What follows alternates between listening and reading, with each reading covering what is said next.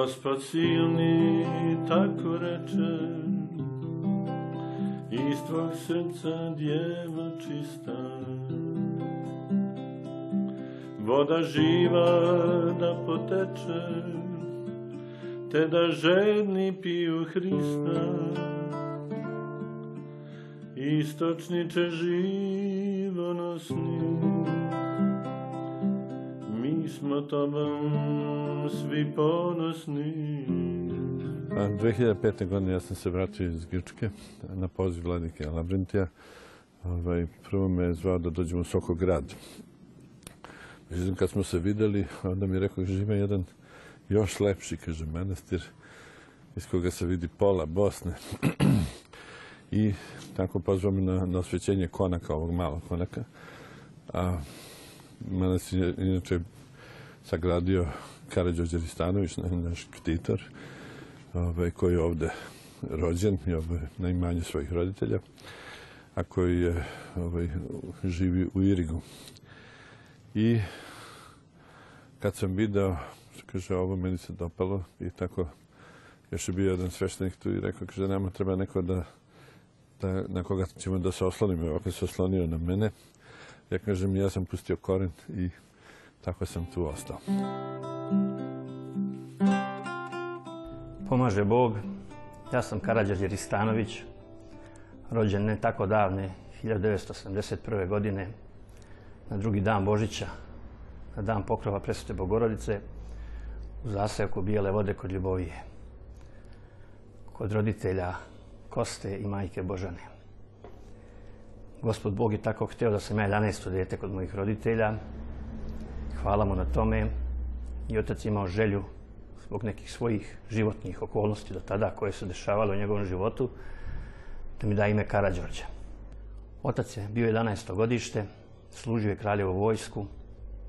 Nakon završetka rata osuđen na 20 godina strogog zatvora sa pridnim radom, a nakon odležane kazne 10 godina lišavanja svih političkih i građanskih prava osim roditeljskih. Nakon 15 godina strogog zatvora, pomilovan je izašao na slobodu 59. godine. Ja kao dete, jako mali sam eto morao da sazrim, vjerojatno Božja volja. I kao mali i kao dete sam bio svestan situacije mene samoga i moje porodice. I uvijek me nekako to kopkalo i moram priznati u duši bolelo što je moja porodica obeležena. Naravno, ja kao dete nisam ništa znao, ali sam i bio ubeđen da su moji roditelji divni ljudi, čestiti ljudi, da je to tako politička priča koja ima neki svoj teret.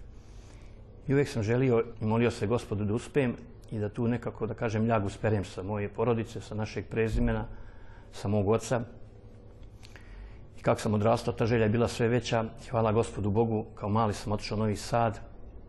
Jako teško smo živjeli. Više što bi se reklo gladni nego siti. Otišao sam u Novi Sad sa 15 godina u tuđem modelu. Majka me spakovala. Hvala gospodu Bogu, završio sam zanat, uspeo u tom nekom poslovnom životu i svijetu i non stop razmišljao kako da se odužim mojim roditeljima i gospodu Bogu što sam uopšte, što uopšte postoji. U jednom momentu sam gospod mi je rekao, samo mi je došlo na pamet, da jedino što je večito i što se ne može ni prodati, ni kupiti, ni porušiti, ni promeniti mu se nam na nikad, ni pod kojom vlašću i nebitno politikom, jeste svetinja. Ja sam imao želju u toj njivi, bukvalno na groblju svojih roditelja i sestra, podigne manastir. Gospod Bog je uslišao tu moju želju i molitvu. Manastir je podignut jako brzo. Ja i moja porodica nismo osjetili to. Bogu hvala. To nije samo moja zasluga, to je zasluga gospoda Boga što je uopšte, eto, udostojio me da budem ktitor, što nije mala stvar i velika podrška moje porodice, znači supruge Gordane i šestro deci.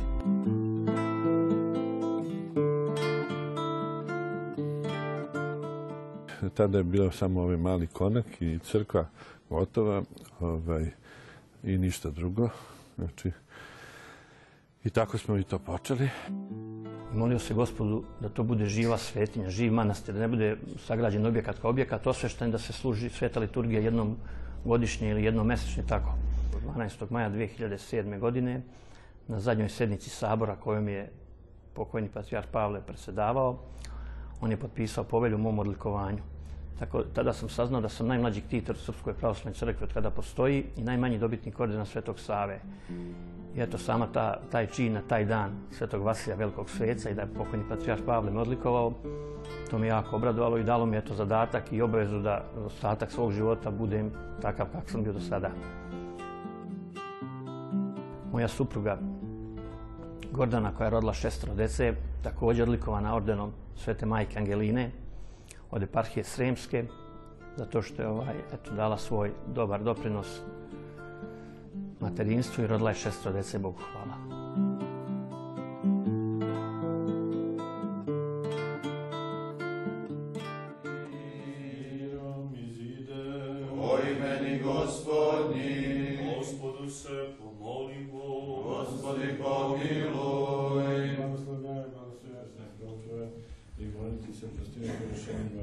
I nevodnje, kaže se da djelom, slavom, pomišljenjem, bjednim, nevjednim, i u dosmene suštane prečistiti se svятih tvojih tajnstv, ostavljenih grehova i život vječni.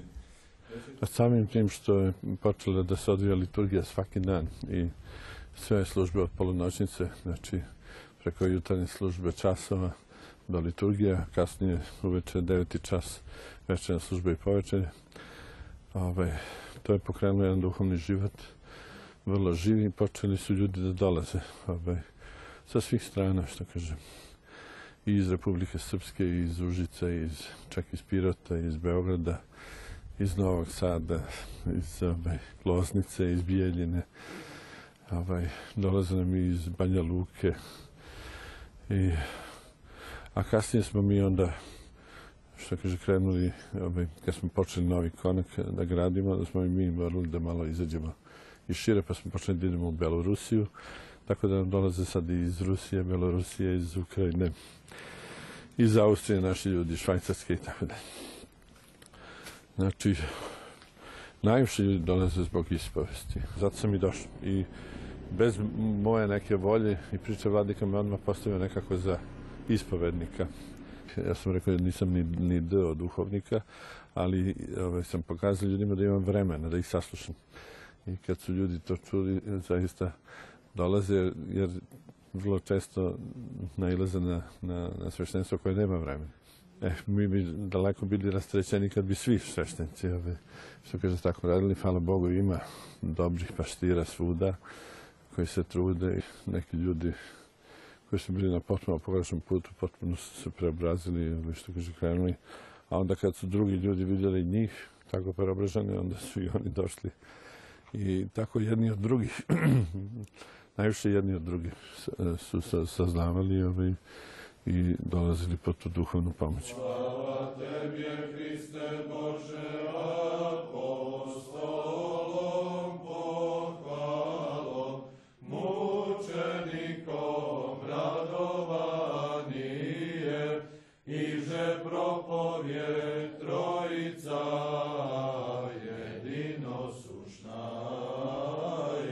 Azbukovicu poznajem i njene prirodne i duhovne lepote gotovo 20 godina. Kada smo prvi put preselili pčele na Bagremovu pašu u podnožje manaštira Sokograd, moj muž je rekao da je to mesto raj na zemlji. Ja sam ga pitala kako raj na zemlji. On kaže, ujutro te bude crkut ptica i žubor potoka, a uveče na počinak te ispraćaju cvrci, svici i zrikavci, a preko dana svežina vazduha i čist vazduh, opojni miris bagrema, šume, borove, lekovito i šumsko bilje te opija i ne možeš da ga se nadišeš. Tada nisam ni slutila da ću nekoliko godina kasnije i decenija kasnije e, pronaći i svoju treću kuću. Prva kuća mi je u Novom Sadu, druga nomadska na Pčelinjaku, a treća u Podmeniću. Kada sa glavnog puta skrenem za manastir Svete Trojice u Bijelim vodama, ja prosto dobijem krila koja me ispune ljubavlju, koja me ispune srećom i zadovoljstvom što se približavam manastiru. Prosto srce mi se ispuni radošću. Od pre 15 godina e, počeo sam da dolazim e, u ove krajeve zahvaljujući moje ženi Dušici, odakle je njena majka i spoznao i video i osjetio lepote Drinskog kraja, Ljubovije i njene okoline. I tada sam čuo i za manastir Svete Trojice u Bijelim vodama, koji se nalazi na planini na Nemiću iznad Drine. I tu sam tada i upoznao oca Serafima, za koga sam se odmah vezao, a kasnije cijela moja porodica, pa i šire ovaj, i ženina familija i svi smo počeli sve više i češće da dolazimo i to je zaista bio blagoslov Boži da smo spoznali e, takvu duhovnu veličinu i ovakvu svetinju koja je postala svetionik našeg života i mnogih stvari koje su nam se u životu dešavali, iskušenja koje smo prolazili i ovdje smo nalazili utehu i snagu i izvor i, i učvršćenje u, i u duhovnim i u svim drugim vrednostima. Vi to tražite od vladike? Da, da, moram Mi ovdje ne učimo nikakvu neku duboku teologiju, nego ja to kažem tablicu množenja. Osnovne stvari, što kaže da se pokrenemo, da shvatimo da ako ne postimo sve postoje, ako ne idemo redovno u crkvu, da mi nismo praktično još pravoslavni. Mi smo tu negde, vrtimo se oko crkve. Ali da bi bili, ja kažem, samo deset godina postimo sve postoje, da idemo redovno na bogosluženje, da se molimo kući jutro večerom, da se redovno ispovedamo i pričešćamo. I onda smo pustili mladi Korenčić, da kažemo, da, da idemo u tom pravcu. Jer tako je to, mislim, kod nas je nekako još ostalo iz komunističkih vremena, da to nije dobro, da, da to idu ili mnogo grešni ili zatucani ili tako dalje, da to ne treba tako. I, i naš narod misli kada upali sveće za veliki petak i banje veče i najede se na slavama da je to pravoslavno, ali nije. U ovaj manastir sam, kada mi je bilo najpotrebnije, poslata iz Frankfurta. Tada nisam ni znala tačno gde dolazim, ali sam dolaskom ovde shvatila da ovde dobijam i telesno i duševno zdravlje. Telesno jer je ovde lepa šuma, staza kojem šetam i napajam se svežim vazduhom i predivnom lepotom zalaska i izlaska sunca. A duhovna, jer ovde je velika svetinja u kojoj sam pronašla lek ili blagodati za moju dušu. Svakodnevna molitva, liturgija, akatisti ispunjavaju me i drže me jako, jako dugo i kada u srcu imate gospoda, onda vam je sve u životu lakše da savladate svu onu svakodnevicu i sve ono što vas okružuje svakodnevnim izazovima i svakodnevnim uh, stresovima. Tada ženi Hrista piju gorki njime da se slade, slepi njime da se miju i žalosni leče jade, istočniče živonosni, mi smo tobom svi ponosni.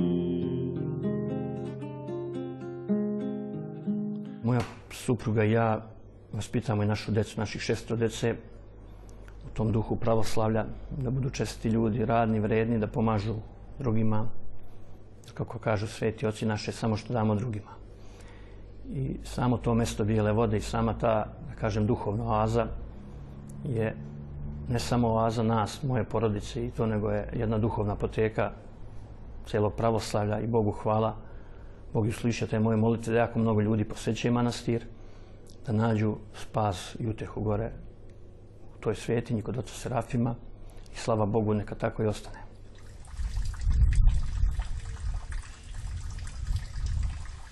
Život bez Boga je totalno jedna druga, druga realnost. To mogu odlično kažem, pošto sam ja tek se krestio u 33. godini. Znači, kad čovjek e, ne zna za, za gospoda, onda jednostavno je igračka u rukama đavola.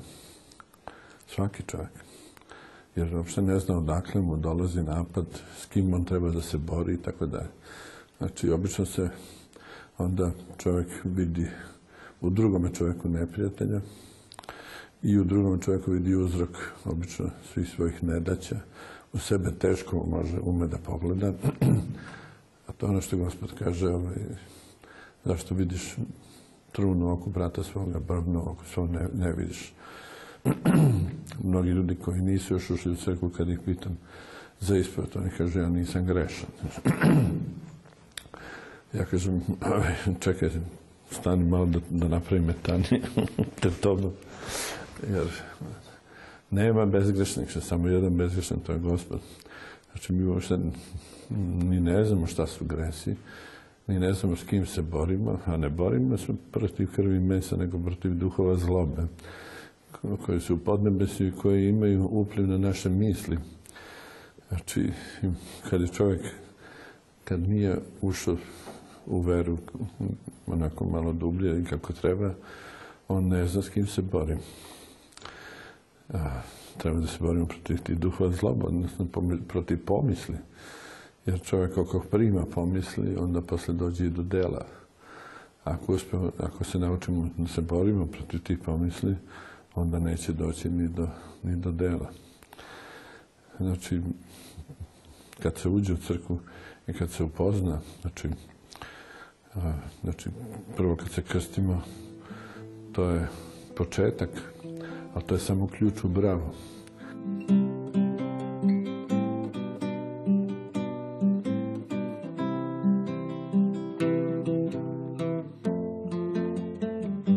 Krenemo dalje i kad počnemo da postimo, da se molimo, da se ispovedamo, da se čistimo, jer čovjek od šeste godine pa nadalje nosi sve svoje grehe. One koje se nikad nije ispovedio, on nosi deset tona i više na, na sebi i ne zna šta nosi, ja teško moram.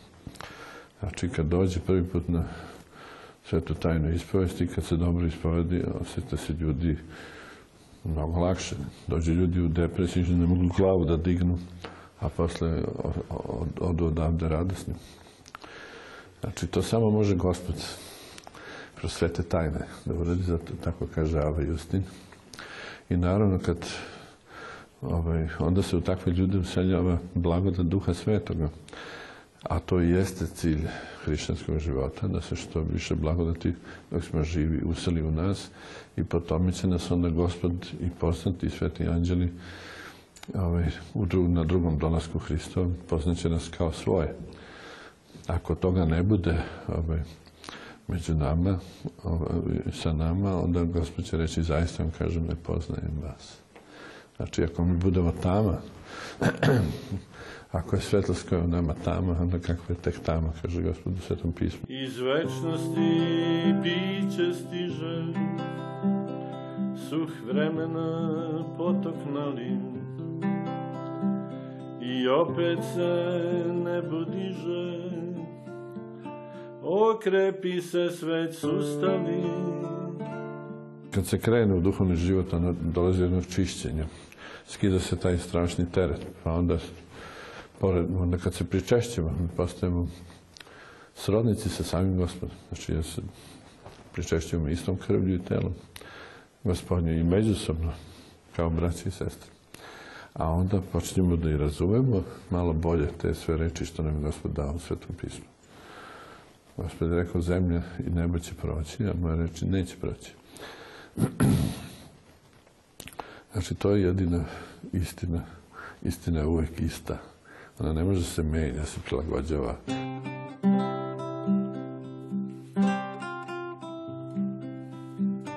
Čovjek koji tvrdi da voli Boga, a ne voli komšiju, je lažan. Zato što kako ćemo volimo nekog koga ne vidimo, a ne volimo ovoga koga vidimo. Znači, nije nam gospod poslao pingvine sa severnog pola, nego nam poslao ove ljude koji su oko nas. I baš tu ženu, i baš tog muža, i baš to dete, i baš to komšiju. Znači, mi smo tu postavljeni da nešto dobro uradimo. a ne da pobegne. To je početna tačka da, da primimo ljude oko sebe onakvi kakvi jesu. I nije naše da mi sad, što kaže, napravimo od čovjeka nekog drugog čovjeka. To može samo gospodsko svete tajne. Znači, a naše je da budemo dobri. Da se molimo za bližnje svoje. Jer mi obično postanemo dosadni. Ima mnogo ljudi koji hoće onda kad, kad osjete tu lepotu ovaj, i blagodat Duha Svetog, oni hoće da sve uguraju u crkvu, ali naša vera nije nikakav fanatizam i kod nas ništa ne može na silu. Znači, ona je potpuno dobrovoljna i Gospod je dao slobodu i preko nje neće da, da, da ide. Tako da ako čovjek ne želi da se spase, ne može ni Bog da ga spase. Ali Gospod želi da mi želimo da se spase. Pa Gospod je sve savršeno napravio. Znači, kad bi mi to poštovali, bio na zemlji. A mi hoćemo da napravimo bolje od Boga, pa onda upropastimo mnoge stvari. Znači, kad pogledamo ovaj, samo jednu šumu, pa svaka krošnja, što kaže, savršena. Znači, kad Gospod to tako napravi, da sve jedno drugo podržava. I mi i stavio čovjeka kao cara tvorevine, da mu sve služi, ali ne da mi to uništavamo i da od toga pravimo, što kaže, od sveta napravimo kantu za džubre. Znači, treba i mi da živimo u harmoniji i tu nam vera i tekako pomaže. Znači, mnogi ljudi, došli su ljudi, došli su neki, jedan musliman je došao ovdje i kad je bio pola sata, rekao, ljudi, pa ovo kaže, vazdušna banja, kaže, ovdje čovjek se leti samo da bude ovdje. Znači, osjeti se to. Ove, prelepo je mjesto. E kad bi mi bili malo skromni i što kaže, i poštovali to što Bog stvara, sve bi bilo bolje. Nego mi hoćemo bolje napravimo u smislu profita, u smislu da bude veća zarada i onda bi propastiva. E, ja sam molim Savo, imam poslušanje ovdje u manastiru oko pčela. Ovaj kraj ovdje je vrlo pogodan za pčelarstvo, pošto ima dosta bagrema. Malo manje imaju livade, ali što se tiče bagrema, odličan je. I vrlo je, vrlo je zanimljivo raditi oko pčela. To je tako uređen sistem da naj, najsavršenije nešto što, što može da, da se desi jedna zajednica, kao što su mravi, na primjer.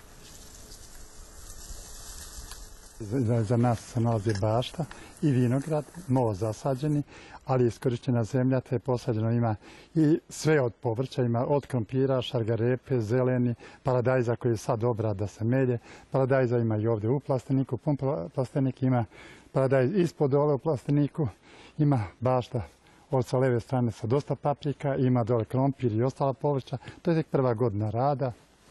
Ne, ne tretira se ni sa čim, znači čisto, čisto biološki. Imamo i koze, koje eto, tek dve imamo. Gdje sam bio ranije imao sam 16, gdje se proizvodi sir sa lekovitim biljem i sa paprikama. Znači jako, jako ukusan, tako da može da se živi. Samo to ja radim. Ovdje za nas je Nemić gore brdo koje ima znači na obronku ima preko 30 izvora. Sve, da kažem, sve te vode zato zovu bele vode. Bela voda znači čista. Pojavom oca Aleksandra Torika i prevođenjem prve knjige ove, Flavijana, koja treba jako brzo da bude gotova, pa je štampar koji je duhovno dete zvao da pita šta da radi. Ovaj, mi smo dali blagoslov i polako smo ušli u to, tako smo osnovali udruženje Flavijan, koje je štampavne knjige Aleksandra Tonika i štampa još i akatiste i tako još neke druge knjižice duhovnih sadržaja. Ovaj, I dolaskom oca Simona koji je donao svoje pesme, onda smo počeli da objavljamo i, njegove ovaj, monaške brojanice.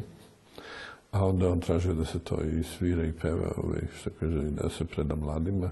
Tako smo onda u još dve delatnosti, znači izdavaštva, a i ovaj, komponovanje i sviranja duhovne muzike. Tamo gdje, što kaže reč, ne može da prodre, tamo prodre muzika. Kosovski Božu i Hriste požuri, crnoga odjuri, kosovski požuri. Pa zato što je narod u stvarno u teškom stanju, toliko ima porodice koje nemaju nikakve prihode, a treba da plate i struju i vodu i sve te troškove i decu da školuju. Onda smo osnovali prvenu grupu Fond za sirotinju, pa pošto su inicijali na latinicom FS, naslovili smo ga FS. I onda tako naši, što kaže, naša duhovna deca ulažu malo u taj fond i onda iz tog fonda mi pomognemo mnogim porodnicama koje, koje su u teškoj situaciji. A onda smo ovaj, napravili humanitarni koncert za, za Kosovo, ovaj, proleće posle Vaskrsa i tu smo sakupili preko 100.000 ovaj, dinara i oko 400-500 evra. Iskupili smo sedam velikih torbi igračaka i čestitaka za decu na Kosovu i šest manjih. I onda smo išli ovaj, u junu mesecu, išli smo obično, bili smo u Štrpcima, imali koncert i podelili deci te igračke i ove čestitke i podelili desetak porodica dobila, dobilo pomoć ovaj, preko toga. I sad videvši i tamo kakva je situacija i osjetivši veliku radost, ovaj, odlučili smo da češće idemo. Božije je slovo, to srpsko Kosovo, ništa nema novo. Srpsko je Kosovo, srpsko je Kosovo. Gospodin je dao veliku i kao narodu preko Svetog Save. Dobili smo žezlo iz manastira Save osvećenog, a iz tog manastira se uzima kandilo kada, kada silazi sveti oganj u Jerusalimu. Znači, donosi se iz tog manastira kandilo i kad patrijarh ili neko od vladika se moli, onda se u, na tom kandilu prvo pali sveti oganj. Znači, to je manastir sa najstrožim tipikom. Iz tog manastira je Sveti Sava dobio žezlo, Svetog Sava osvećenog, to je kao da je dobio žezlo nebeskog Jerusalima. I dobio dve ikone, trojeručicu i mrakopitateljicu, znači naše najvažnije čudotvorne ikone. I na taj način znači, smo mi dobili jednu ulogu da sačuvamo veru do kraja vremena. A, nažalost, kako je bilo vreme komunizma, što kaže, onda je kao da je pala hidrogenska bomba među ovaj narod i mi još uvijek bauljamo po ruševinama svega toga. Mnogi su se ljudi vratili u crkvu, što je dobro, jer su se naše bake tako pričešćivale da je to pričešće kroz nekoliko generacija proradilo. I ja stalno to ponavljam. Ko nije živo u inostranstvu, on ne ume ni da vidi, ni da ceni lepote ove zemlje. Ovo je najlepša zemlja na svetu i najbogatija. Ti Bože pomozi, da sve bude u slozi, da sve bude u slozi. Ti Bože pomozi, ti Bože pomozi. Tvoju ljubav tvoja, ruka nama dala, volimo se. Na svemu ti hvala.